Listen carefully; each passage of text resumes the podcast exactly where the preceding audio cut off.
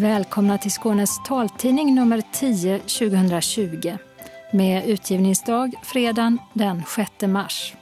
Solen gick upp 6.45 i morse och ner igen går den först 17.53 ikväll. I studion Åsa Kjellman Erisi och Dodo Parikas. Tekniker är Martin Holmström. Och det här är innehållet. Synmässan i Malmö, Göteborg och Stockholm ställs in på grund av oro för coronaviruset. All möjlig läsning ska bli tillgänglig. MTM har fått nytt uppdrag. Ingen oro för minskat utbud av hjälpmedel. Den politiskt ansvarige ser istället eh, en ny EU-lag som positiv för patientsäkerheten. Jobbet är mycket viktigt för hälsa och självkänsla för den som har Uschers syndrom. Men för den som vill göra ett bra jobb hotar utmattning. Det gäller att hitta sin egen livsstrategi för balans mellan arbete och hälsa, visar en ny avhandling. Mer pengar till SRF, men mindre till Förbundet för Sveriges dövblinda Skåne när regionen fördelar bidrag. Öppnat och stängt med nattklubb och soppcafé. Det satsas en hel del på tillgängliga hållplatser för den nya spårvägen genom Lund, men det finns också kritik om brister för de som ser dåligt. Det finns ingenting som markerar att den här sticker upp i marken. Allting är grått och vitt här. När man kommer här, det är hur lätt som helst att snubbla på den här. Det har jag gjort också. Ny utställning med taktila husmodeller för synskadade har som ett mål att få arkitekter att diskutera tillgänglighet. SRF-veteranen Jan Holmegard är död. Evenemangstips med storband, visor och grimaser. Och kalendern med eldsjälar och vårtecken. Anslagstavlan med meddelanden och ändringar i kollektivtrafiken. Idag är den lokala delen gemensam för norra samt mellersta och sydöstra Skåne. Och sist redaktionsrutan. Om några veckor så skulle synmässan ha kommit till Malmö och dessförinnan till Göteborg för att avsluta i Stockholm sista helgen i mars. Men nu har de ansvariga för mässan beslutat sig för att ställa in hela turnén. Ett beslut som inte var lätt att ta. Jörgen Andersén är ordförande för Svensk Syn som arrangerar mässan. Med stor sorg och moget övervägande har vi valt helt enkelt att eh, tillfälligt ställa in Svensk Synmässan då, eh, med tanke på den rådande situationen när det gäller coronavirusets eventuella spridningsrisk. Och hur kommer det sig att ni tog det här beslutet? Man har ju ansett att det har varit en låg spridningsrisk men sedan i helgen har man uppgraderat detta från, från låg till medel. Så det är en bedömningsgrund kring det hela. Då.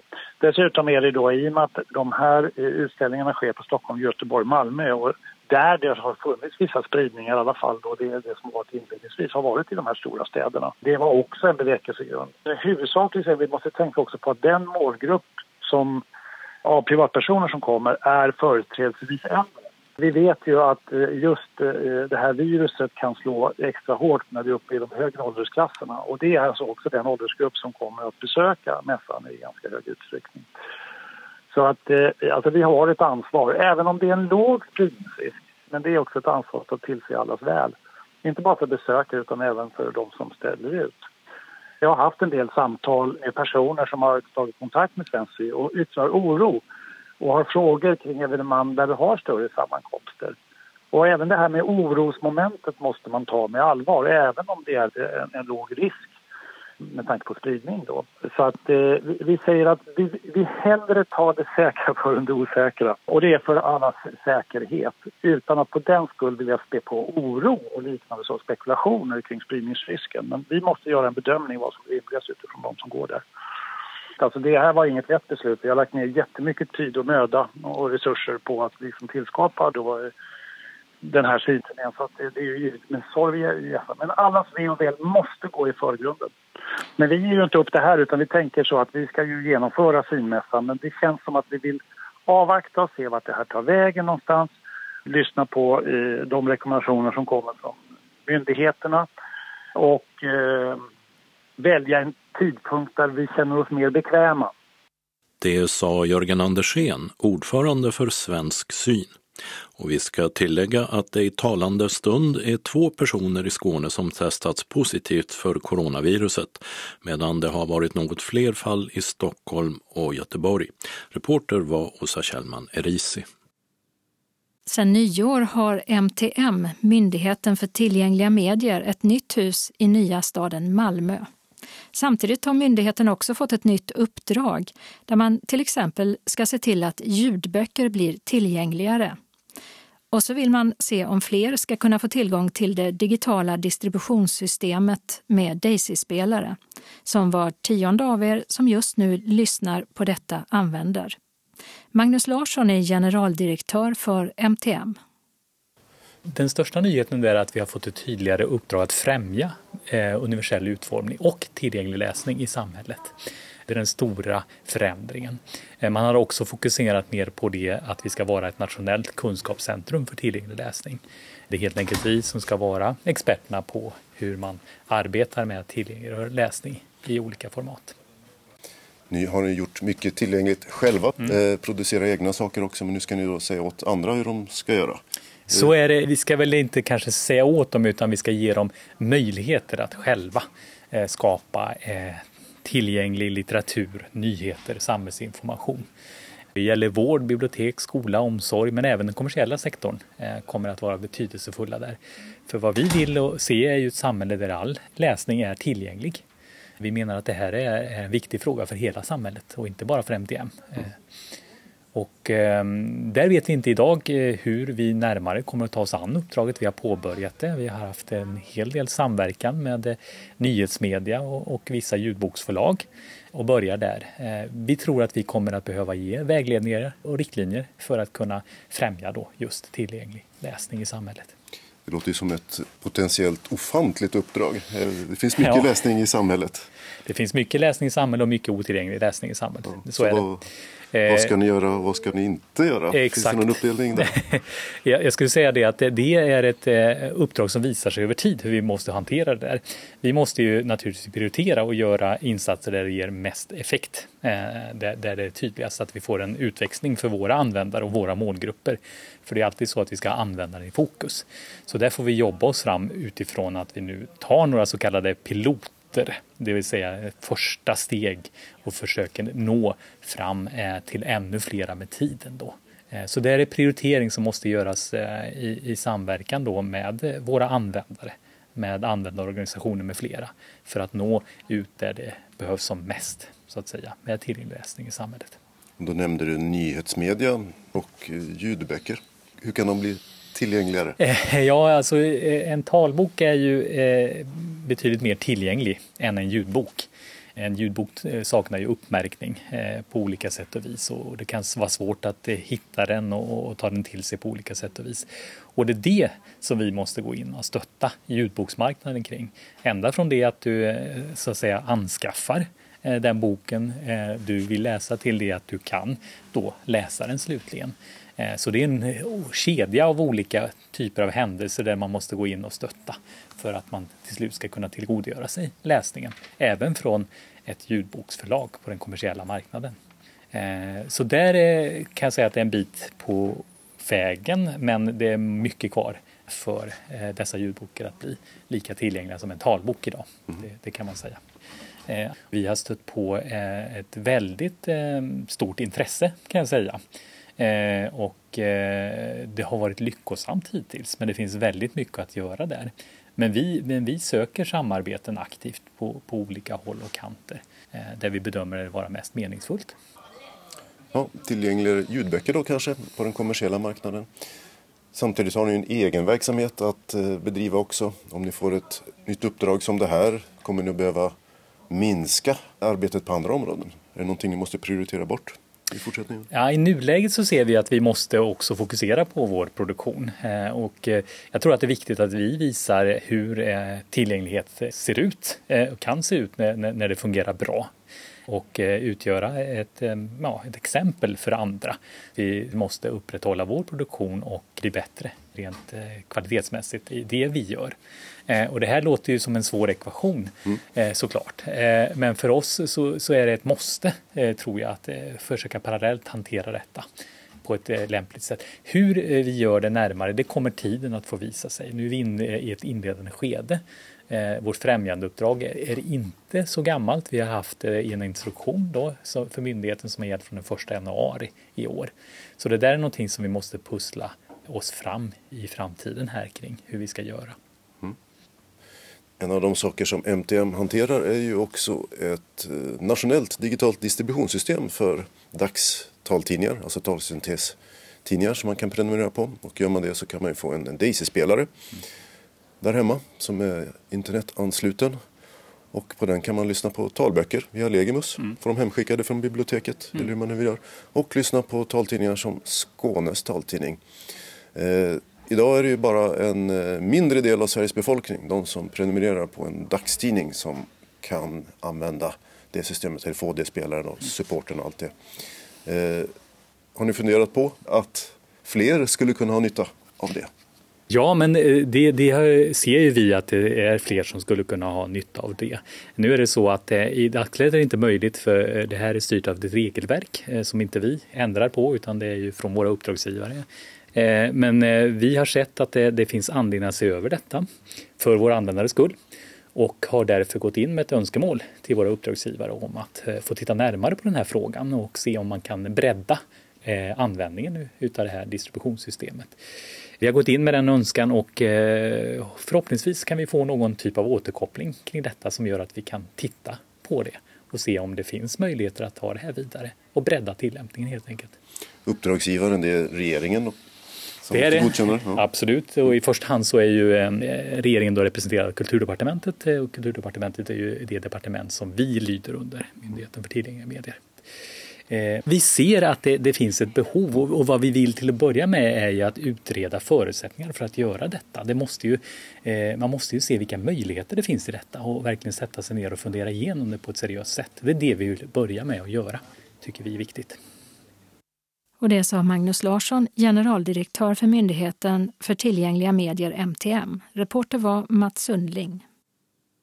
Nya och hårdare regler för tester och riskanalyser av hjälpmedel för personer med funktionsnedsättningar införs den 26 maj i år då en ny EU-lagstiftning träder i kraft. Och enligt tillsynsmyndigheten Läkemedelsverket kan reglerna gälla även redan upphandlade hjälpmedel.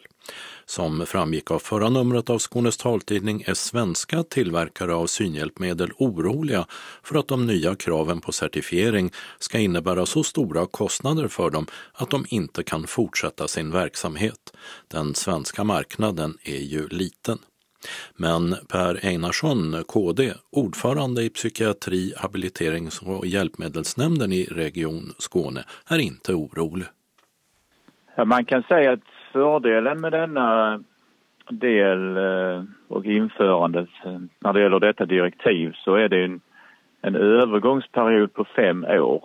Och eh, det gör ju att, att eh, vi kan också liksom ha kvar om det finns upphandlingar som sträcker sig över något år ytterligare och så vidare, att det blir kvar. Så att det är en av fördelarna kan man säga som också har gjort att att eh, det känns inte så panikartat att det ska hända någonting över en natt. Så det är en fördel. Ni vet att löpande avtal kan fortsätta att gälla? Ja, precis. Det, det, det är det vi ser och det tror vi är bra här att eh, direktivet tillåter detta. Vad innebär det här för tillgången på enklare hjälpmedel som inte har utsatts för så väldigt mycket tester och certifieringar förut. Jag tänker på förstoringsglas och vita käppar och annat till synskadade. Ja, jag hoppas ju att för, eh, för våra olika brukare så hoppas jag att detta ska vara eh, en ökad patientsäkerhet och så. Och de här enklare hjälpmedlen, jag, jag hoppas ju inte man ska krångla till det utan eh, min förhoppning är att det här ska fungera även för, eh, för de delarna, de, de som är lite enklare hjälpmedel. För det finns ju tillverkare som är rädda att det här ska bli så stora kostnader just för certifieringen att, att man inte klarar det. Ja, det kan ju vara så att man blir lite uppskrämd här i början men eh, jag, jag har svårt att bedöma det om det skulle bli verklighet. med fördyringar och så vidare. Det, och de exemplen du nämner, så det låter som att det är gammalt och beprövat eh, och har använts under långa tider när det gäller förstoringsglas och eh, annat. Men det kanske är så gammalt och beprövat att det aldrig någonsin är testat och certifierat? Ja, så är det ju. Sen har det ju verkligen testats och använts av eh, brukare i hela världen. Så att jag, nej, jag vill inte tro att det här skulle bli något eh, märkvärdigt. Så du ser inga risker då att utbudet kan minska eller någonting? Det kan väl eh, i och för sig finnas och det är väl det jag i så fall skulle vara rädd för. Alltså att bredden på utbudet, om det skulle minska. För jag och vi från politiken, vi vill ju att det ska finnas några produkter att välja mellan och att det ska finnas just den valfriheten. Den, den värnar vi mycket om. Så att, nej, jag hoppas verkligen att det inte ska begränsa. Du ser det i stort sett som positivt den här nya EU-lagstiftningen? Ja, i alla fall att vi ska lösa det på ett bra sätt. Eh, men också detta om det nu leder till ökad patientsäkerhet och det är ju det som är syftet här att, eh, att det ska bli så för både patienten och brukaren och de som arbetar med produkten i, i vården. Eh, hoppas jag verkligen att det ska gynna eh, så att eh, just patientsäkerheten får vara i fokus. När det kommer sådana här nya lagar och regler från EU, har ni som är politiskt aktiva på så att säga ett lägre plan än EU. Har, har ni haft någonting att säga till om eller kommer det här bara? Ja, just den här delen har jag ju eh, inte fått se och eh, vissa saker får vi ofta en remissrunda på. Men, men det, det stämmer, det har jag inte. Sen har ju inte eh, mitt uppdrag sträcker sig bara ett år tillbaka så att det är möjligt att det har hänt mina företrädare när det gäller just uppdraget inom eh, habilitering och hjälpmedel. Det sa Per Einarsson, Kristdemokraterna, ordförande i Region Skånes psykiatri-, habiliterings och hjälpmedelsnämnd. Reporter Birgitta Fredén. Hälften av dem med Uschers syndrom, en form av dövblindhet, är i arbete. Jobbet är också mycket viktigt för deras hälsa. Samtidigt riskerar de utmattning på grund av överansträngning när både syn och hörsel är påverkade. Och bland de med Ushers, som inte är i arbete är självmordsförsök inte ovanligt. Det viktiga är att hitta en balans i tillvaron, att ha en livsstrategi. Detta är något av det forskaren Mattias En kommit fram till i den doktorsavhandling i hälsovetenskap som han la fram i fredags vid Örebro universitet och som bland annat grundar sig på djupintervjuer med personer som har Ushers syndrom. Personer med Usher har en betydligt bättre hälsa i den gruppen som på något sätt är i arbete jämfört med de som står utanför arbetsmarknaden. Och det kanske inte är så förvånande, eller? Det är nog inte så förvånande, men eh, man kan väl säga generellt så att personer med dövblindhet i allmänhet och Uschers syndrom i synnerhet är ju extremt dåligt eh, förekommande i forskning. Så att vi vet ju väldigt lite om hälsan överhuvudtaget hos den här gruppen. Och eh, att man kunde se en sån så säga, vattendelare i, i att alla som var i arbete hade mycket bättre psykisk hälsa än de som inte jobbade, det, det var nog kanske ändå lite förvånande. Mattias En hade redan tidigare gjort en studie kring arbete och hälsa hos personer med dövblindhet. Men för sin avhandling gick han på djupet med intervjuer med dövblinda personer i arbete som bland annat berättade om vad jobbet betydde för dem.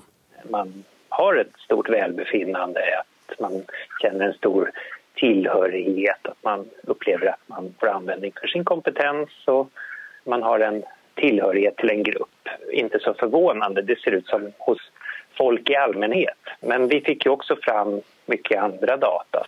Till exempel så kämpade man ju väldigt hårt för att vara kvar i arbetet och att det under stundom hade ganska stora hälsorisker också.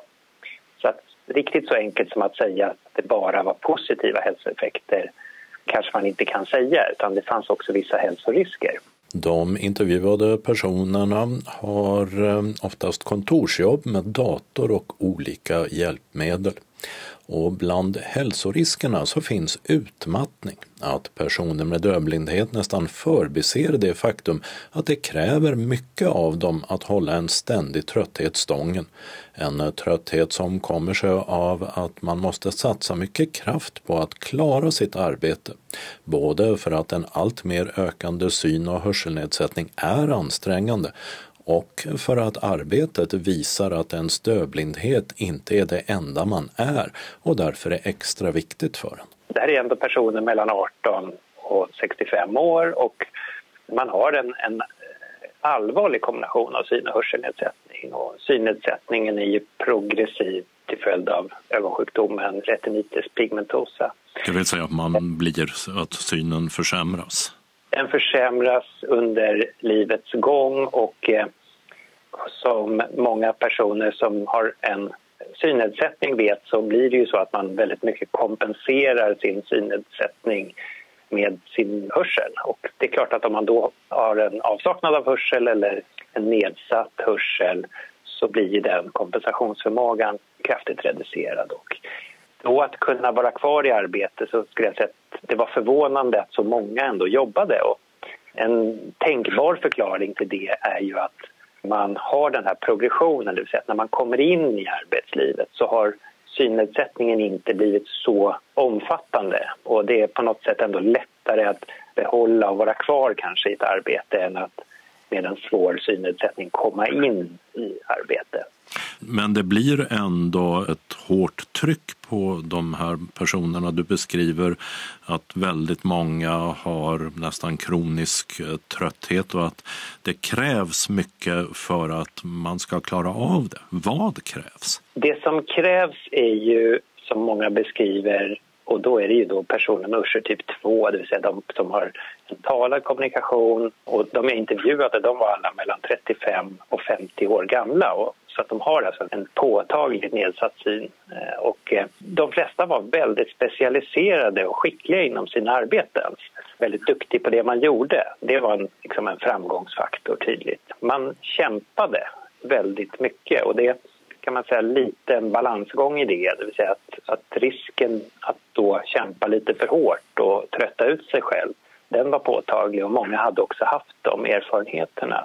Framförallt om man, som en del hade försökt eh, under, under många år, upprätthålla att jobba heltid och kunde då i efterhand reflektera och se att ja, men det vart mycket bättre. Livet fick en mycket bättre balans när jag gick ner och jobbade deltid. Då orkade jag med familj, orkade med fritidsintressen och framförallt fick möjlighet till den återhämtning som behövs efter att man faktiskt får anstränga sig så oerhört mycket mer än sina kollegor.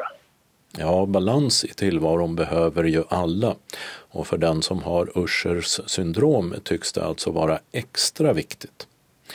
Och när det gäller de som inte har arbete i den här gruppen finns oroväckande siffror som Mattias En hämtat ur Folkhälsomyndighetens data om folkhälsan.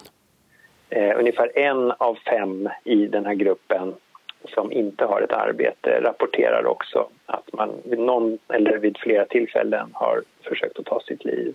Det är ju liksom en, den yttersta indikatorn på att man mår väldigt dåligt psykiskt och vi vet ju väldigt lite om är det så att det faktiskt är personer som tar sitt liv och de personerna har vi ju naturligtvis inte med i de här studierna men det här är ju någonting som man skulle vilja titta vidare på.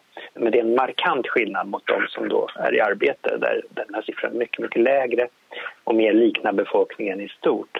Den gruppen som inte har jobb, det är den grupp man nu känner, eller som jag känner att jag skulle vilja gå vidare och, och titta på. För vi vet att många av de som ingår i, i gruppen URSS, de har haft ett arbete och i något skede lämnat arbetsmarknaden. Så det är klart att alla typer av arbete kan man kanske inte upprätthålla om man har den här sjukdomen men det skulle vara intressant att se vad det beror på att man var tvungen att sluta jobba och att eh, noggrannare se hälsan i den gruppen och orsaker till varför vi har så höga rapporterade självmordstal. Om vi slutligen återvänder till de med dövblindhet som har ett arbete, vad drar Mattias En för slutsatser av det han lagt fram i sin avhandling? Det som är det viktigaste som jag har sett i den här studien, det har jag försökt att beskriva lite grann som ett pussel.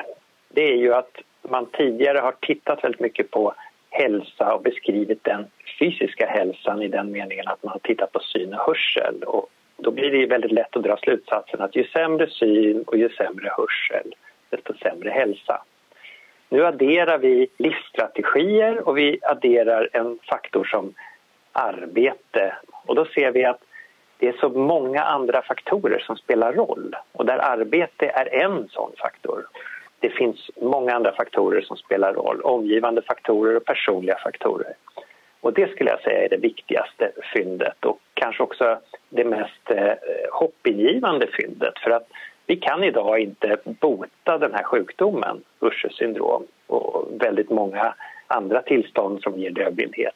Däremot finns det oerhört mycket vi kan göra i att stärka personer, öka deras livsstrategier, psykisk flexibilitet men också att arbete helt uppenbart har en lite skyddande effekt för det som är negativt i försämringen av syn och hörsel.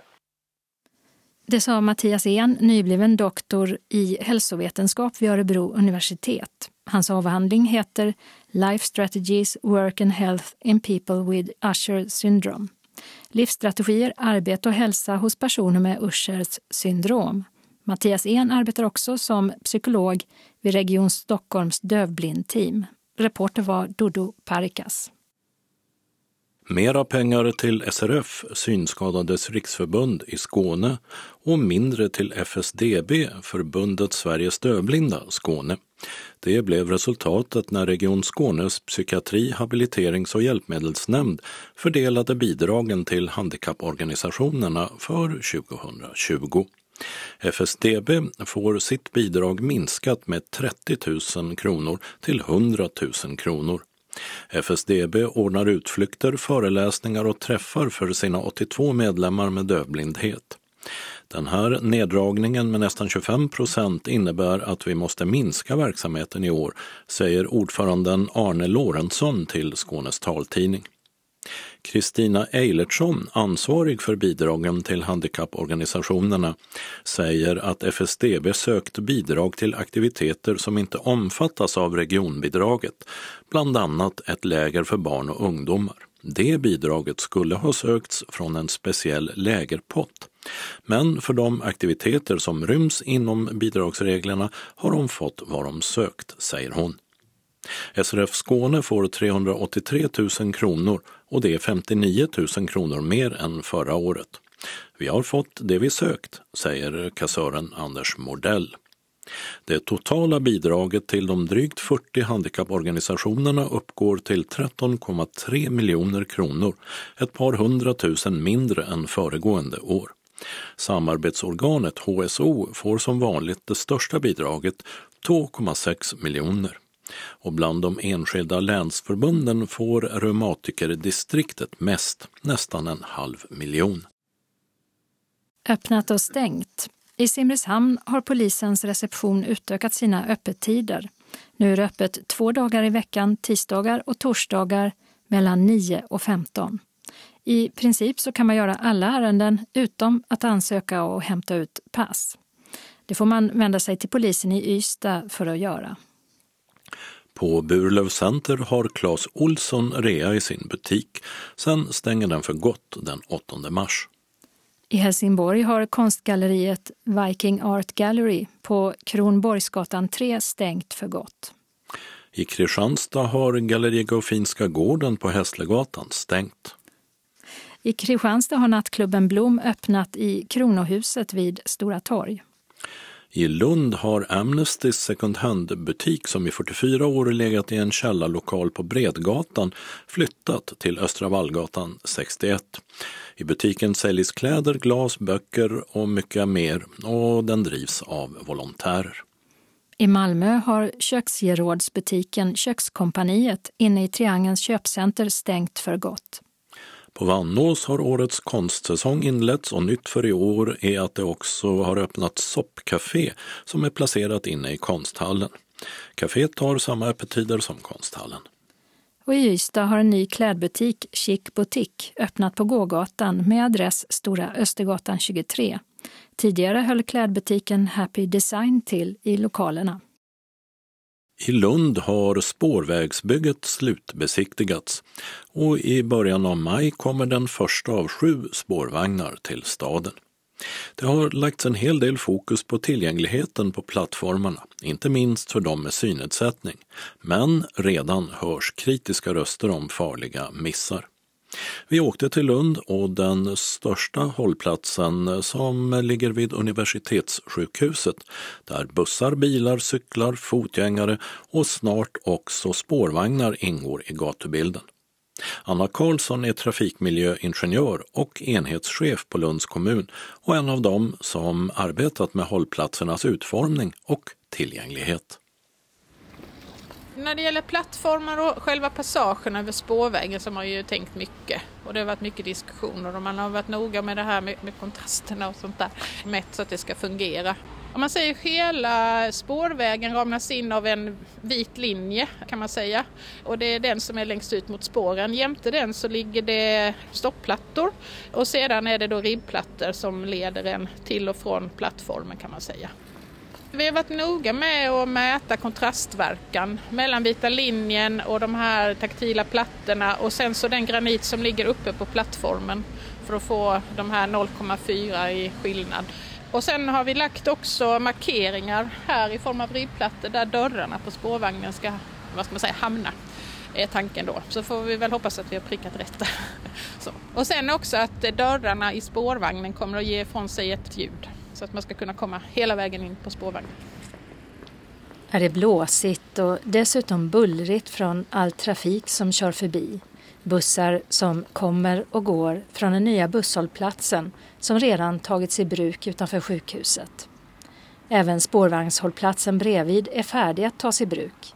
Men först i månadsskiftet juni-juli börjar en provkörningsperiod då spårvagnar kommer att trafikera spåren då och då och på Luciadagen den 13 december är det trafikstart för spårvagnarna på riktigt. Och plattformen som ligger cirka 40 centimeter ovanför spåren har mycket taktil information. Ledstråk i rostbrunt järn bryts av med sten där man lagt mycket tid på att hitta kontraster mellan de olika materialen. Och längst ut mot spåren ligger randen med vit portugisisk granit som går igen längs hela spårvägsområdet genom Lund. Men om det är mycket information på själva plattformen så är det desto mindre utanför. Till exempel om man kommer från sjukhuset eller apoteket och ska ta buss eller så småningom spårvagn därifrån. Den taktila informationen börjar ju egentligen där på plattformen och i samband med passagerna och övergångarna. Så hur tar man sig dit? Eh, ja, det vet jag inte, kan jag inte säga. Nej. Jag har ingen svar på den. Det finns inte någon möjlighet med hjälp av eh, taktil information att ta sig dit. För man kommer bara liksom ifrån spårvagnen och så kommer man till en cykelbana och sen är det slut med taktila spår? Ja, det är det här. Alltså vi har ju den standarden i staden att det är runt eh, passagerna vi har taktila stråk. Alltså så. Och sen har vi diskuterat om man ska förlänga dem över eller inte men hittills har vi inte valt att göra det. Men det är ju en sån man får överväga. För jag tänker just sjukhuset och apoteket och så, ja. det är ju ställen ja, är som man ofta besöker. Ja, ja, det är viktigt ju såklart. Har ni någon tanke på att förändra där eller? Det är väl klart att om det finns stora behov eller sådär så det kan vi visst göra. Men då går vi fram här. Alltså, det första man kommer till då efter trottoaren det är ett cykelstråk. Ja.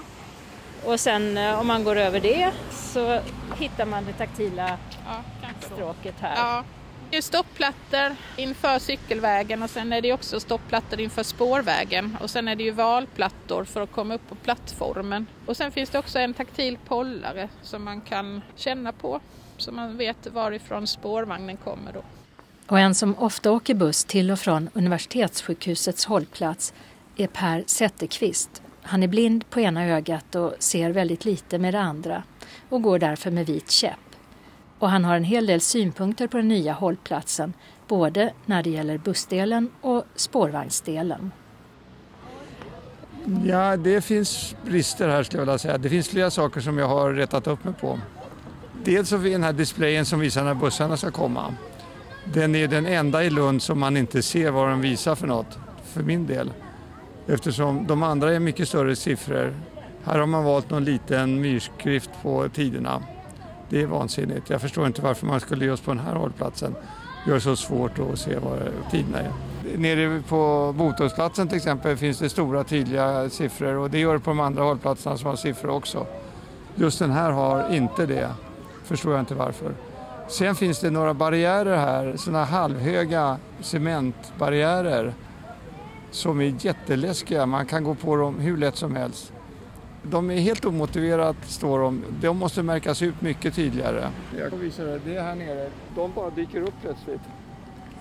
Och det gäller inte bara för mig. Jag misstänker att här kan vem som helst gå på och göra stilla. Ja, här. Vad är det här för någonting? Det är en granitsten som markerar eh, området där spårvagnen ska komma. Just det. Men, men det är väl, alltså att göra det på det här sättet, det får de göra med, med stolpar eller staket då. Det finns ingenting som markerar att den här sticker upp i marken. Allting är grått och vitt här. När man kommer här, det är hur lätt som helst att snubbla på den här. Det har jag ju gjort också. Om de menar att folk inte ska gå här, för det måste de ju mena. De menar ju inte att folk normalt ska behöva kliva över den. Då ska de inte gå här. Då sätter man upp ett staket här. Det så det funkar vansinnigt. inte alls för dig? Nej, det här är helt vansinnigt. Det här är, det är så idiotiskt. Det finns något liknande där borta också. Jag är dessutom enögd va, så att jag ser inte djupet. Så att det här är, det är, liksom, det är halvtänkt. Det där är bara farligt. Det där kommer folk att göra sig illa på. Och det är själva kanten mot spåren i vit granit som Per Zetterqvist snubblat över mer än en gång. Som högst är den cirka 40 centimeter där en svagt lutande ramp upp till plattformen börjar. Och sen blir kanten lägre och lägre för att vara helt utjämnad när man kommer upp på själva plattformen. Och Per Zetterqvist tycker också att cykelbanorna som gående ska ta sig över efter det de passerat spårvagnsspåren är besvärliga för honom. Cykelbanor är alltid farliga för att det, det blandas så höga hastigheter med vanligt gående. Den här cykelbanan är jättefarlig för den är så rak och lång så folk får upp hastigheten här. Cyklisterna kan cykla jättefort på det här stället. Jag är väldigt skraj när jag går över här. Men då stannar jag och tittar mig för noga för att det är inget säkert ställe att gå heller. Och sen eh, planen framför apotek, där finns ingen taktil information. Spelar det dig någon roll eller är du inte så beroende av Nu vet jag ju, jag har ju gått där många gånger så jag vet att den är fri, att man kan gå där utan att eh, stupa på några hinder eller något sånt där. Så jag hoppas att de inte sätter upp några hinder just där i alla fall. För den, den är okej okay, tycker jag. Vad tänker du annars kring när spårvagnen också kommer att börja gå här? För här händer ju mycket med bilar och cyklar och allt möjligt och bussar. Det är väl okej. Okay. Alltså jag, menar, jag har ingen synpunkt på det egentligen. Bara de inte ställer till det onödigt besvär. Det här med den där barriären och, och de små siffrorna på, på ankomsterna där, det, det tycker jag är onödigt.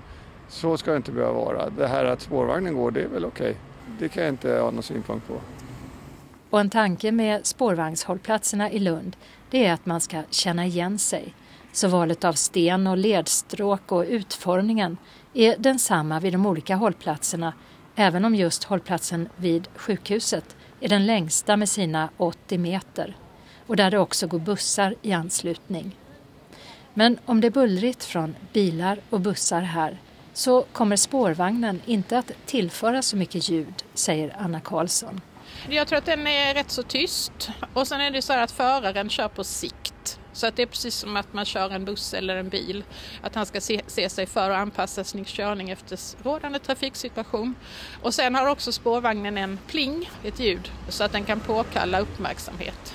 Hur lång eh, är bromssträcka har den om den plötsligt ser att det är någon som är på väg över? Jag kan inte det utan till, men eh, Alltså den kan ju bromsa in väldigt kraftigt och stanna på en kort sträcka men då blir det ofta så att människorna som är i vagnen trillar, alltså så att man faller.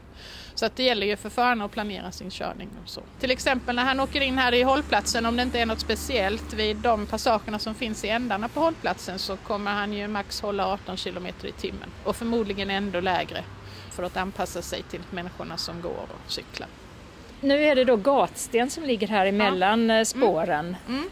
I mitten så är det ett staket med glas som är genomskinligt. Ja. Men om man tittar längre bort här så ser man att där börjar gräset. Ja, just det. Mm. Hur har ni tänkt där? Alltså, det är så här att spårvagnen går på egen bana kan man säga. Så att det, det, är inga andra bilar eller cyklar som cyklar i samma spår som spårvagnen. Och för att hålla undan den trafiken så har man ju valt att ha gräs mellan spåren så mycket som möjligt egentligen. Också för att få ett grönare inslag i, i staden och sen också eh, har det positiv påverkan på ljudet, på bullret på spårvagnen, alltså det dämpar bullret något och sen också tar det hand om dagvattnet bättre. Sen är det ju så här speciellt just vid universitetssjukhuset för där finns det ju både hållplatser för bussar och för spårvagn. Så längst mot sjukhuset så kommer spårvagnens hållplatser och sen så är det en eh, plattform för bussar och sen så kommer det körbanor för buss och bil och sen så kommer nästa plattform och då är den mot Norra kyrkogården. Kommer man från eh, norr in mot stan så blir det en lång gångväg för att komma till sjukhuset och apoteket. Men det händer ju väldigt mycket här. Det är cykelbana, så småningom är det spårvagn och det är bilar och det är bussar. Mm. Känns som en ganska jobbig miljö. Ja, jo men det är, det är ju mycket som händer som du säger. Sådär. Men sen har vi jobbat också i alla fall för när man går över gatan eller körbanorna så har vi liksom fartdämpande åtgärder också som gör att man inte kan köra så fort med sina bilar och bussar och sådär ju. Så, utan försöker dämpa hastigheten. Så att övergångsställ och cykelpassager ligger uppe på en platå. Och sen får bilar och bussar liksom köra upp på den för att kunna korsa gång och cykelstråket då. Det är ju slutbesiktigat och det är klart och så men sen kommer det ju alltid komma saker som, man, som visar sig att oj, det där blev ju inte som vi kanske tyckte att det skulle bli utan man får göra utvärderingar och göra förbättringar efterhand och så. Så är det ju alltid med sådana här gatubyggen och sånt ju. Och det ska vara utrop också så man kan eh, höra var vilken spårvagn går och så vidare? Eh, ja, alltså det har vi ju blivit lovade men vi får väl undersöka vad, vad den har blivit av den där pratorn. Den finns inte med i de väderskynor som finns ute här nu. Det kanske är något som inte är på plats som ska skruvas dit. Liksom. Men det får vi fråga och säga att vi önskar. Det sa Anna Karlsson som arbetat med tillgänglighetsfrågor för de nya spårvagnarna i Lund. Och hon svarar senare via mejl när det gäller just den låga mur som Per Zetterqvist snubblat över. Att tanken med den är bland annat att styra de som går till att använda passagen istället för att gena för att bland annat nå plattformen. Det ska vara en kant man kan följa med den vita käppen och vara ett avåkningsskydd för de som färdas med rullstol. Men Anna Karlsson tycker att det är bekymmersamt att Per Zetterqvist har snubblat just där. Och hon svarar också att prator och informationstavla kommer att sättas upp i maj på spårvägens hållplatser i Lund. Reporter var Åsa Kjellman Erisi. Och som vi berättat tidigare i våra evenemangstips så är det en träff på Lunds stadsbibliotek den 10 mars mellan 18 och 19 som handlar om säkerhet, tillgänglighet och design i Lunds spårvagnar. Så ska vi återvända till de taktila modeller av Turning Torso, Malmö Opera och tio andra viktiga Malmöbyggnader som vi berättat om tidigare. För nu visas de på Form Design Center vid Lilla Torg i Malmö. Och det är en utställning som även har som mål att få arkitekter att diskutera tillgänglighet. Vi var där strax innan vernissagen i lördags och vår reporter Dodo Parikas träffade först på utställningstekniker Håkon Garpestad som tycker modellerna är så fina att de liknar skulpturer. Allting är övertäckt med plast fortfarande men jag anar att det där skulle kunna vara ett Torso. Anar du rätt i. alla de här 3D-printade skulpturerna kommer ju då från Stadsbyggnadskontoret och eh, är otroligt eh, vackra att se på och eh, sköna att ta på.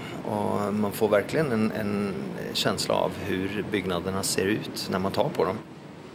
Ansvarig för utställningen, som finns precis innanför ingångsdörrarna till Form Design Center, är Johanna Sjögren Duthi. Eh, det var faktiskt så att vi såg det i ett eh, socialt medieflöde när modellerna var utställda på FIF i höstas.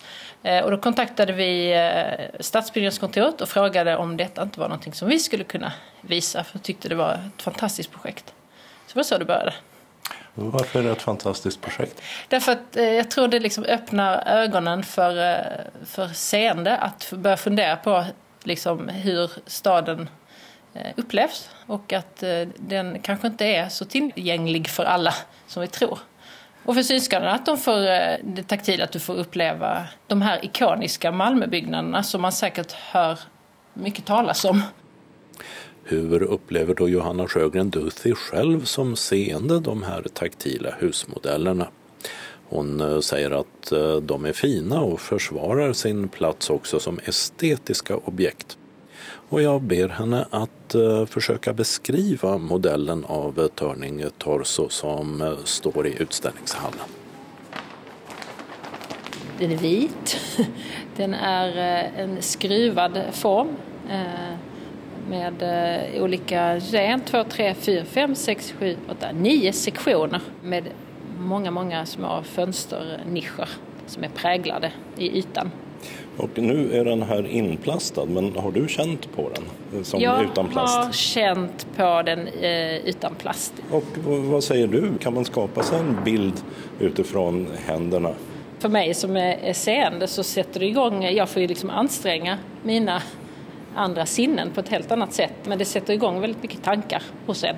Men jag kan ju inte känna utan att se byggnaden i mitt huvud så att säga. Men det är en häftig känsla. Det ger en ytterligare dimension tycker jag.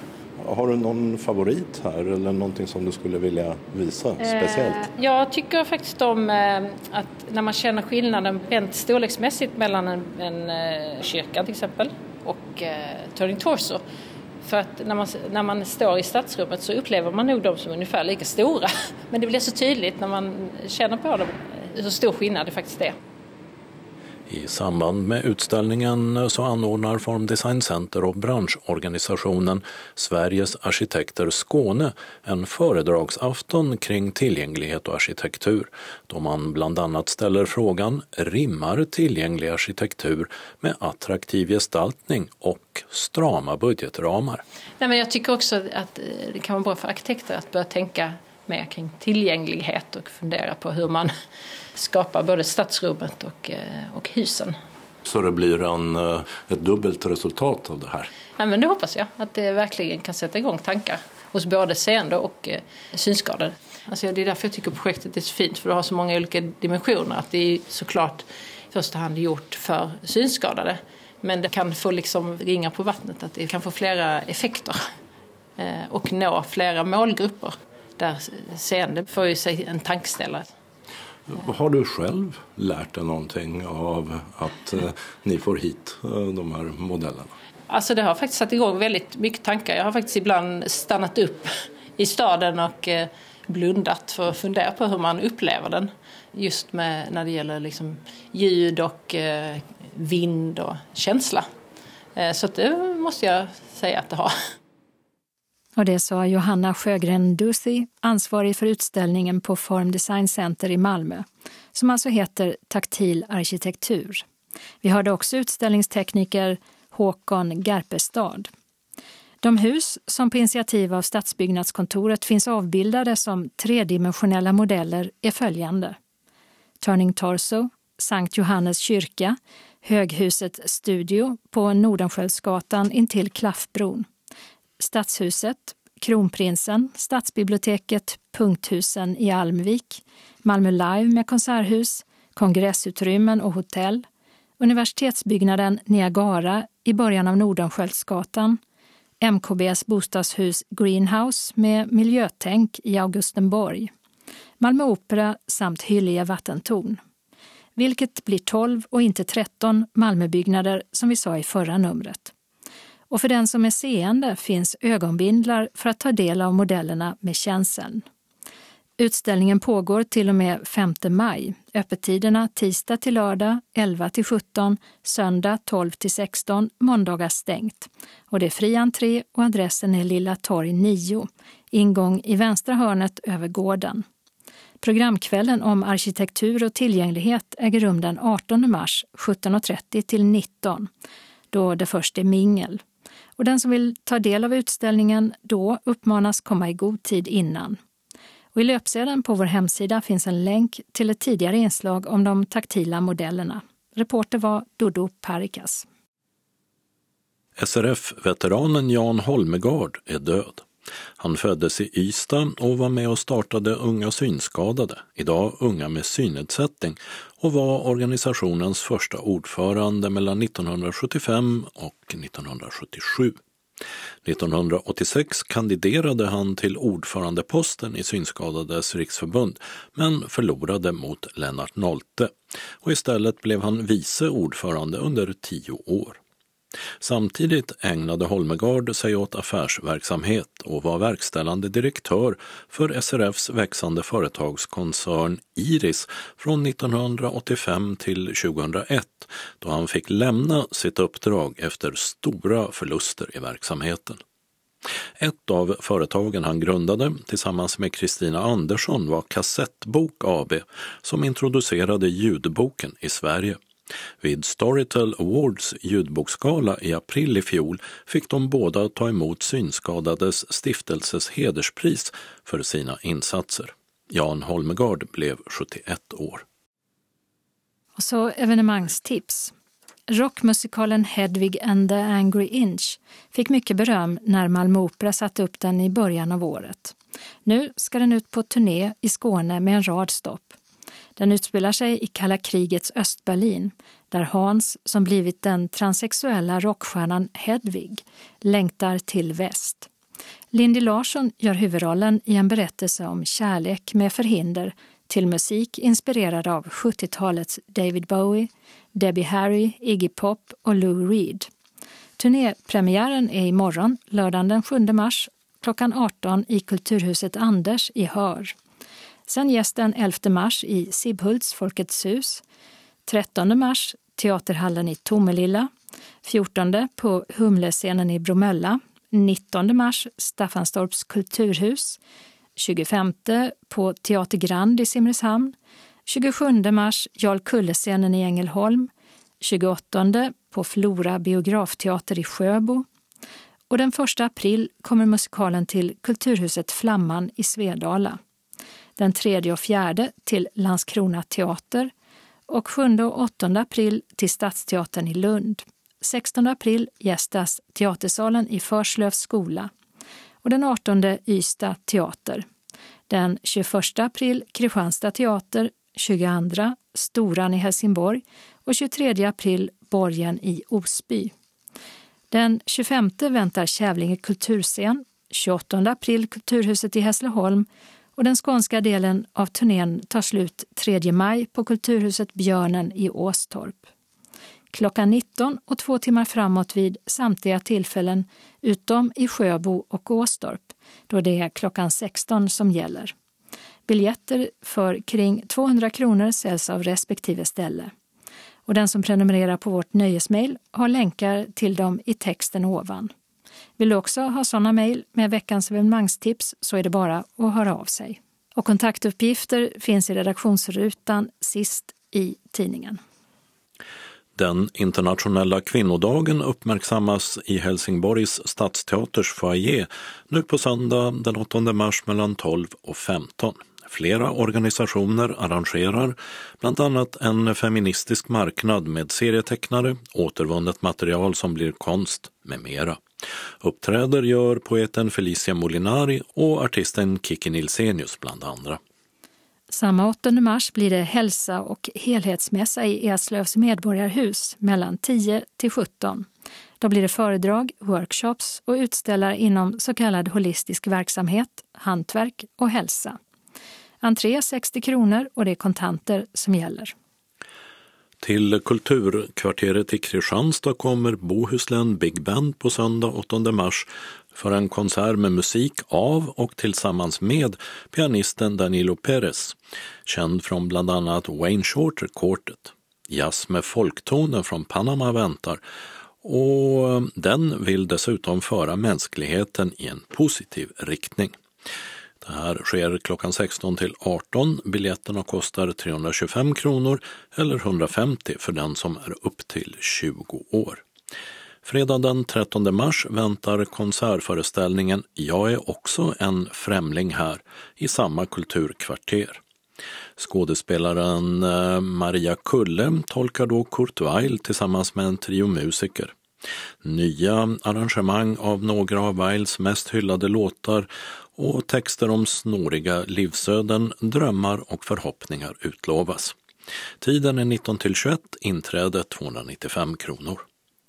I Helsingborgs konserthus hörs nu på söndag den 8 mars en konsert med Sjostakovitjs femte symfoni, Sibelius Finlandia, Julia Purginas Vortex Peccatorum och en bit ur John Adams 80-talsopera Nixon in China.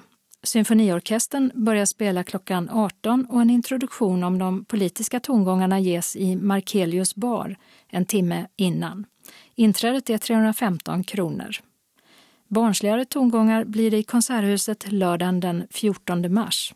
Då väntar familjekonserten Majas alfabetsånger med Kerstin Annebys melodier till barnboksförfattaren Lena Anderssons texter om blåklint, champinjoner, ek och förgät gay. Symfoniorkestern och en skolkör står för musiken. Gudrun Dahlqvist dirigerar och berättar och publiken får gärna sjunga med. Start klockan 13 med sagostund och musik. Sen vankas det pyssel och pannkakor i Markeliusbaren och konserten börjar klockan 15. På Sjöbo bibliotek blir det föreläsning torsdag 12 mars 18.30 om näthat och näthatsgranskare. Thomas Åberg från Näthatsgranskaren föreläser då om föreningens arbete. Föranmälan kan göras på telefon 0416 271 60. På biblioteket i Örkelljunga kan man under några lördagar i vår ta plats på scenen för att till exempel berätta, sjunga eller spela. Datumen som gäller är den 21 mars, 18 april och 9 maj mellan klockan 11 till 12 alla dagarna. Och vill du veta mer så kan du ringa till biblioteket på telefon 0435 550 55. Visor och grimaser blir det på Ystad teater söndag 22 mars 18.00. Det är en föreställning med Jack Vreeswijk och Brolle som sjunger låtar av Cornelis Vreeswijk med berättelser från sonen om hur de blev till. Artisten Brolle har tidigare gett ut en skiva med Cornelis tolkningar. Konserten är 2 gånger 45 minuter lång och biljetterna kostar 525 kronor. Artisten Tommy Körberg är ute på turné med sin föreställning En kväll med Tommy Körberg. I den gör han axplock ur sin långa sångkarriär till pianomusik. Och man kan nog vänta sig roliga historier också. Tisdagen den 24 mars kommer han till Kulturkvarteret i Kristianstad. Den 25 till Kulturhuset i Hässleholm och 26 mars till Ystad teater. Från 1930 och 90 minuter framåt och biljetterna för 495 kronor säljs för de två första av Tixter och den sista av Eventim. Eller av respektive biljettkassa. Till alla föreställningarna följer en ledsagare med gratis. Och vill man gå är det bäst att slå till fort för det lär bli utsålt. Gratisföreläsningarna och föreställningarna på Lunds stadsbibliotek fortsätter tisdag den 24 mars med frågan Vad kan man ha en bro till? Bron är förstås Öresundsbron som fyller 20 år i sommar och den som svarar är etnologen Orvar Lövgren. Klockan 18 börjar han tala om drömmarna och farhågorna innan bygget och om vad som hände sen. Vilka överraskningar bron bjöd på och hur den har förändrat svenskar och danskar. Två dagar senare, den eh, 26 klockan 17.30, handlar det om stress och yogans inverkan på människors hälsa med psykologidocenten Daiva Daukantaite som föreläsare. Själva Lunds stadsbibliotek fyller också 50 i år och det firar man med ett jubileumsprogram. Måndag 30 mars klockan 18 berättar stadsantikvarie Henrik Borg om platsen biblioteket ligger på bråket när det byggdes och vilka som ville styra stadsutvecklingen och vart. Och torsdagen den 2 april kommer den gamla proggaren Thomas Wiehe för att spela och berätta om sitt glada 70-tal då musiken och politiken skapade en känsla av att allt var möjligt. Allt sammans sker i Atriumgården. Biljettinformation. Tixter 0771 47 70 70. Eventim 0771 65 10 00. Kulturkvarteret i Kristianstad 0709 20 58 04. Coop Galleria Boulevard 010 747 22 72. Hässleholms kulturhus 0451 26 66 70. Helsingborgs stadsteater 042 10 68 10. Helsingborgs konserthus 042 10 42 80. Lunds stadsteater 046 13 14 15. Landskrona teater 0418 47 05 79. Ängelholms turistcenter 0431 821 30. Ystad teater 0411 577 199. Grand i Simrishamn 0414 148 89. Flora i Sjöbo 0416 271 58. Kulturhuset Anders i Hör 0413 249 35. Borgen i Osby 0479 125 25. Staffanstorps bibliotek 046 25 12 66. Kulturhuset Björnen i Åstorp via Medborgarkontoret 042 643 00. Kalendern för vecka 11 börjar på måndag den 9 mars då Torbjörn och Torleif har namnsdag. Tisdagen den 10 mars är det dags för en ny omgång av amerikanska primärval och nomineringsmöten i ett antal delstater. Och huvudfrågan är förstås vem som blir den demokratiska motkandidaten till president Trump i november. Den nyss uträknade Joe Biden kommer ju tillbaka stort i veckans stora omgång och det verkar nu stå mellan honom och socialisten Bernie Sanders. Uppnår en kandidat fler än hälften av alla delegater som står på spel, alltså minst 1991, är saken klar. Om inte väntar en andra omröstning vid partikonventet i juli. Och då får även så kallade superdelegater delta och förmodligen avgöra. Namnsdag har alla edla och adla. Onsdagen den 11 mars är det namnsdag för Edvin och Egon. För på dagen 35 år sedan blev Mikhail Gorbatjov Sovjetunionens nya ledare och han skulle också visa sig bli den sista. Med nedrustning och glasnost, öppenhet samt perestrojka, alltså politiska och ekonomiska reformer, försökte han få sitt stagnerade land på fötter igen. Men han blev mer populär i väst än bland kommunisterna där hemma. 1991 försökte de ta makten genom en kupp och när den misslyckades splittrades också Sovjetunionen till de stater som finns idag. Torsdagen den 12 mars är Victorias namnsdag och eftersom det då är kronprinsessans dito är det alltså allmän flaggdag.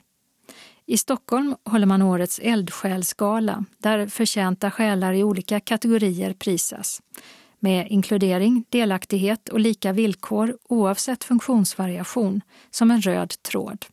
Årets idrottsförening kan till exempel den bli som har verksamhet för paraidrottare med till exempel synnedsättning. Ett litet vårtecken är kanske att de sista grundseriematcherna i hockeyns SHL spelas. Eller att den näst sista omgången i damernas alpina världscup ska starta i Åre. Och den här dagen börjar skidskyttets världscuptävlingar i Kontiolax, också de näst sista för säsongen. Och från Finland kommer en mycket speciell röst.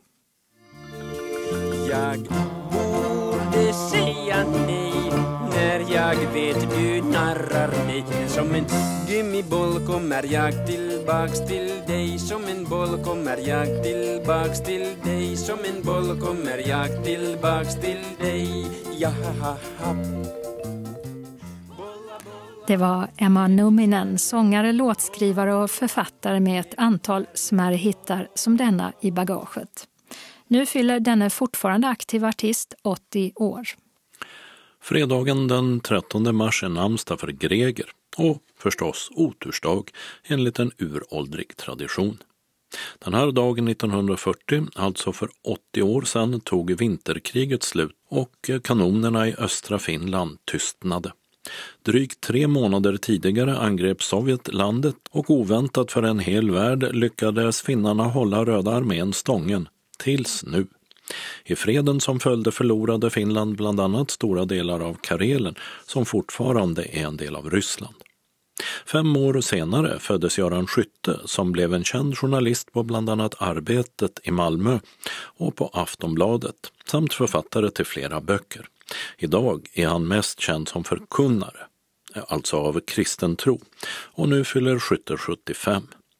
I Kina skulle inomhus-VM i friidrott börjat med ett nästan givet guld till svenske stavhopparen Armand Duplantis.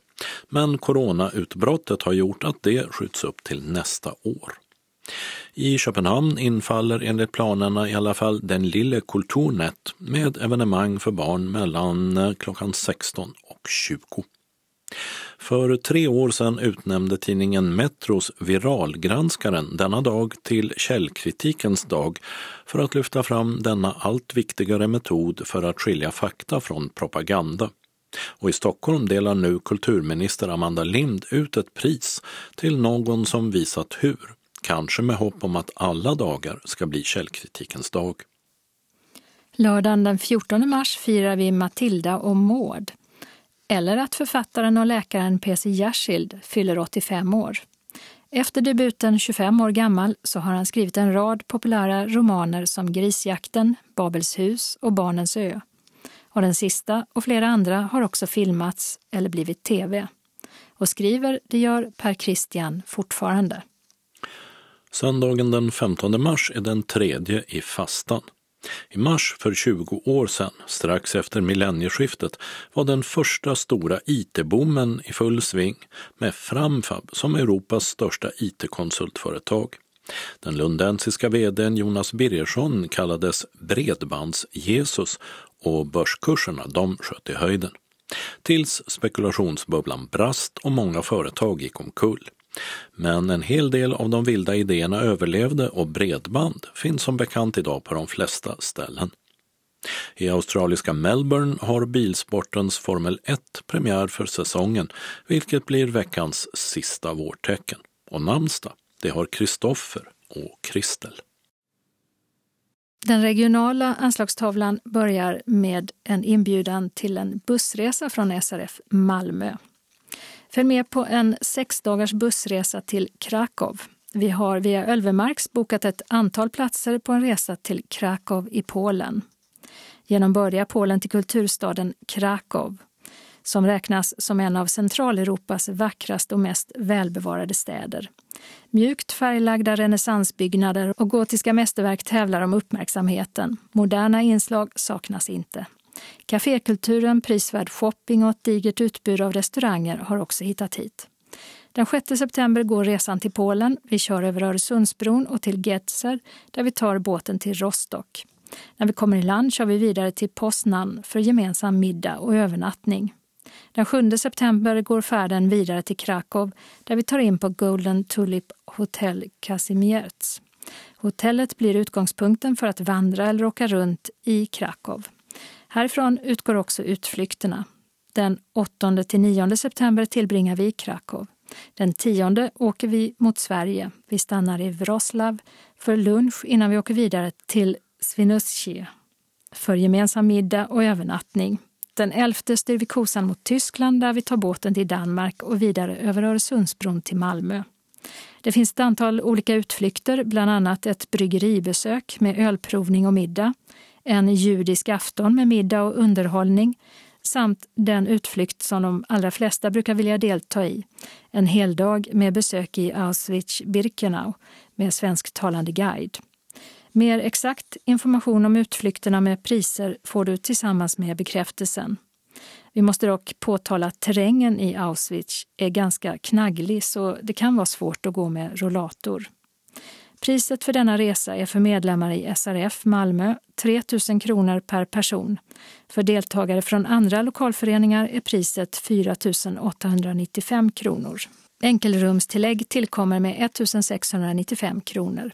Det finns väldigt få enkelrum och dessa måste i första hand gå till de av föreningen anlitade ledsagarna som inte har någon med sig. I priset ingår resa i helt turistbuss, fem övernattningar i dubbelrum, två middagar, fem frukostar, reseledarservice. Anmälan gör du till kansliet på telefon 040-25 05 40 eller e-post info srfmalmo.se.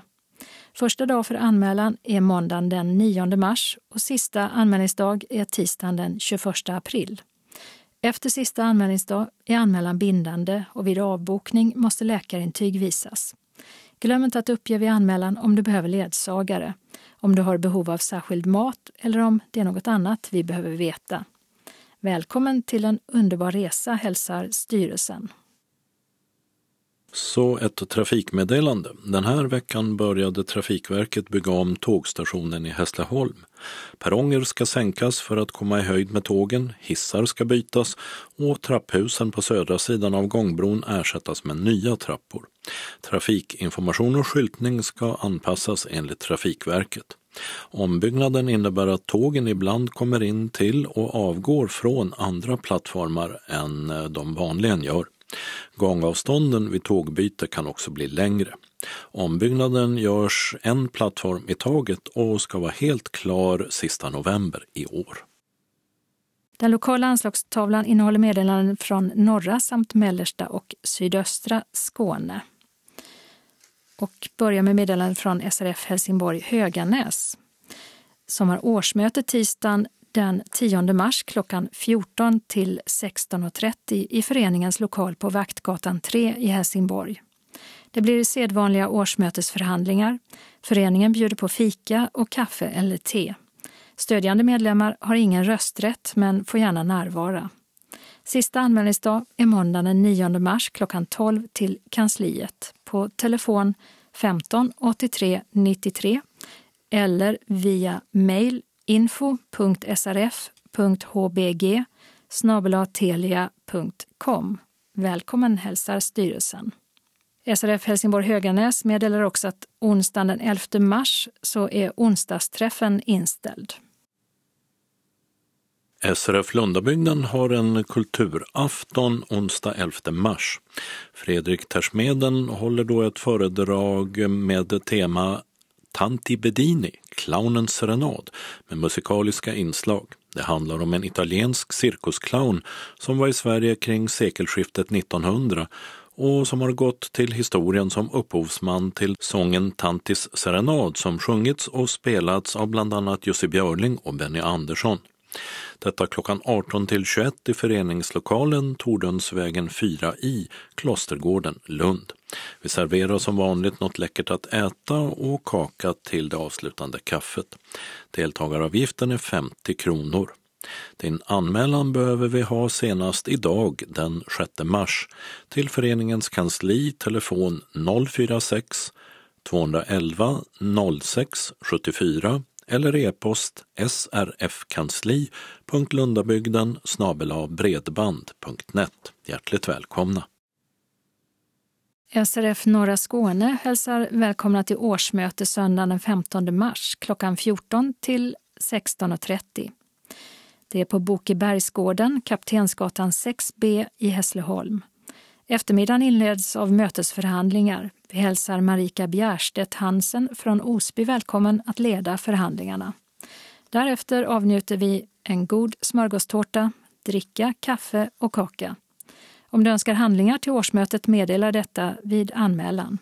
Och din anmälan vill vi ha in senast lördagen den 7 mars. Till Anna-Lena Pekkela, telefon 0451 23 101 eller mobil 070-36 00 647. Alla hälsas hjärtligt välkomna av styrelsen. SRF Sydöstra Skåne kallar eh, föreningens medlemmar till årsmöte mellan 13 och 17 lördagen den 21 mars. Plats Österlen-kryddor, Karlsfältsvägen 363, Köpingebro. Vi inleder med att äta en varmrätt. Efter mötesförhandlingar serveras kaffe eller te med kaka. Till förhandlingsledare föreslår styrelsen Lars Eisner som har gedigen erfarenhet inom SRF och inom biståndsarbete. Hela aktiviteten är kostnadsfri och medlemmar får som vanligt sina reskostnader ersatta mot kopia på färdtjänstfaktura senast tre månader efter årsmötet. Kom ihåg att skriva ditt clearingnummer och bankkontonummer. Din anmälan som är bindande vill vi ha senast söndag 15 mars till Marion och Jan Magnum 0736 50 38 18 eller Vicky Svedrell 0708 37 53 58. När du anmäler dig mm, vill vi att du talar om ifall du behöver särskild kost eller har något annat önskemål som vi bör ta hänsyn till. Vill du ha årsmöteshandlingar skickade till dig i förväg? Kontakta snarast ordförande Claes Persson, telefon 0706 70 41 80. Varmt välkommen önskar styrelsen. Medlemmarna i SRF Ängelholm Båstad hälsas välkomna till månadsmöte onsdagen den 18 mars klockan 14 till 16. Bengt-Åke Bengtsson, känd från Heagården, kommer att underhålla oss. Temat är Jules Sylvain och adressen är Gasverksgatan 25, ingång från torgsidan. Kaffe med smörgås serveras utan kostnad. Anmälan senast den 16 mars till Stina Bodil på mejl stina.bodil telia.com eller telefon 0702 39 76 26. Om du har en e-postadress så skickar vi gärna våra inbjudningar på den. Det är absolut inget tvång, men det sparar en hel del pengar till föreningen, för portot är en dryg utgift för oss. Varmt välkomna hälsar styrelsen genom Conny. Så några ändringar i busstrafiken och de gäller Svalöv, Ängelholm och Helsingborg. I Svalöv eh, pågår vägarbete på Ornsjövägen och hållplats Bondessons väg är flyttad i båda riktningarna. Läge A 75 meter framåt i bussens körriktning och läge B 75 meter bakåt. 20 mars klockan 15 är den delen av arbetet klart och hållplatsen kan öppna igen. I Ängelholm har en ny etapp av arbetet på Klippanvägen och Östergatan inletts och det påverkar nu också regionbussarna, förutom stadsbussarna. För regionbuss 503 gäller att hållplats Bruksgatan Östra, läge A, i riktning mot Ängelholms station är stängd. Resenärer hänvisas till tillfällig hållplats på Bruksgatan vid Nya torg. Läge B kan däremot fortfarande användas och hållplats Kungsgårdsskolan stängs i båda riktningar med hänvisning till tillfälliga hållplatser på Storgatan. För linjerna 507, 510 och 511 gäller att hållplatserna Rönnehallen och Bruksgatan stängs i båda riktningarna med hänvisning till hållplats Stortorget. Hållplats Kungsgårdsleden stängs i båda riktningar och resande mot Munka Ljungby hänvisas till tillfällig hållplats på Transportgatan och resande i riktning mot Ängelholms station till tillfällig hållplats på Kungsgårdsleden. 10 april klockan 16 ska arbetet vara klart. I Helsingborg byggs Knutpunktens bussterminal om. Fram till 10 mars 16.00 är stadsbussarna 26 och 27 flyttade från hållplatsläge A till gate 1 i långfärdsterminalen. Det är i samma ände av terminalen. Anslagstavlan för sydvästra Skåne inleds med meddelande från SRF Malmö som först välkomnar till dagverksamhet i vecka 11. Vi träffas klockan 13 till 15 Ops på onsdagar då är det mellan 12.30 till 16. Kaffe med en smörgås eller kaka serveras till en kostnad av 10 kronor. Vi vill gärna att du meddelar kansliet på telefon 040-25 05 40 om du tänker komma på någon av dagaktiviteterna. Om du tillhör dem som regelbundet deltar i någon speciell aktivitet behöver du bara anmäla om du inte kan komma. Måndagen den 9 mars är det frågesport, tisdagen den 10 mars är det bingo, onsdagen den 11 mars är det kanasta. SRF Malmö hälsar också välkommen till sopplunch på föreningen måndagen den 23 mars klockan 13. Vi bjuder på champinjonsoppa och avslutar med kaffe och en liten kaka. Är du medlem i SRF Malmö är kostnaden 30 kronor. Om du inte är medlem så betalar man 50 kronor. Färdtjänst hem kan beställas till klockan 14.45. Vill du vara med så anmäl dig på telefon 040-25 05 40 eller mejla till info srfmalmo.se senast måndagen den 16 mars. SRF Malmö har också ett evenemang torsdagen den 26 mars klockan 18. Då kommer Tina från Seniorshoppen tillbaka för att visa och berätta om vårens mode. Du kan handla kontant, med kort eller med inbetalningskort och du kan prova kläder i lugn och ro under kvällen. Vi börjar med att äta en lax och räkbakelse som kostar 80 kronor. Drycker är till självkostnadspris och mat och dryck betalas kontant på plats eller med Swish 1230778050. Anmäl dig till kansliet senast onsdagen den 18 mars. Hjärtligt välkomna hälsar styrelsen. SRF Trelleborg med omnejd ehm, kallar styrelse, kassör, revisorer, valberedning och samtliga övriga medlemmar till årsmöte onsdag 18 mars 17.00 i restaurang Casablancas VIP-rum på CB Frisgatan 11, Trelleborg. Direkt efter årsmötet stannar den valda styrelsen kvar för ett konstituerande möte. Till mötesordförande har vi bjudit in Charlotte Lindström. Trelleborgs kommuns projektledare för Kuststad 2025. Charlotte kommer att ges tillfälle att berätta om hur det är tänkt att Trelleborg ska se ut när bostäder ersätter stora delar av hamnen och området västerut. Föreningen vill uppmärksamma att vi firar femårsjubileum efter vår omstart som förening. Vi bjuder på någon typ av mat och därför är det viktigt att ni anmäler er. Vår valberedning, Fatmir Seremeti och Martin Valdén vill gärna att ni hör av er med namn på personer som är villiga att ställa upp som förtroendevalda under kommande år. Du når Fatmir på mobil 070 510 36 34 eller e-post f.seremeti gmail.com och Martin mobil 073 262 57 08 eller e-post martin.valden gmail.com och det är W i början på efternamnet. Alla personer som nomineras ska vara tillfrågade. Till årsmötet vill vi att du hör av dig med anmälan snarast, men senast fredag 13 mars till Helena 0706 42 2176 eller e-post 1 Helena Lindell gmail.com och det är alltså en etta framför Helena. Har du någon matallergi eller andra frågor om dagen tar vi dem samtidigt. Meddela om du vill ha något av följande dokument, antingen digitalt eller som svart skrift. Verksamhetsberättelse för 2019, verksamhetsplan för 2020, budgetförslag för 2020, revisionsberättelse 2019 samt årsbokslut 2019. Väl mött hälsar styrelsen. PS. Den som överraskar med något extra roligt, exempelvis en sång eller limerick om vår förening, kanske får en överraskning själv. Och vi har en ändring i busstrafiken som gäller Malmö.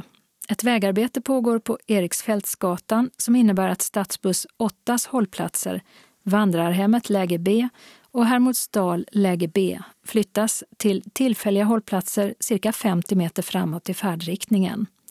Den 20 mars klockan 15 ska arbetet vara klart. Och det var allt för Skånes taltidning denna veckan. Vi är tillbaka igen nästa fredag som är den 13 mars. Skånes taltidning ges ut av Region Skånes psykiatri och habiliteringsförvaltning. Ansvarig utgivare är Martin Holmström.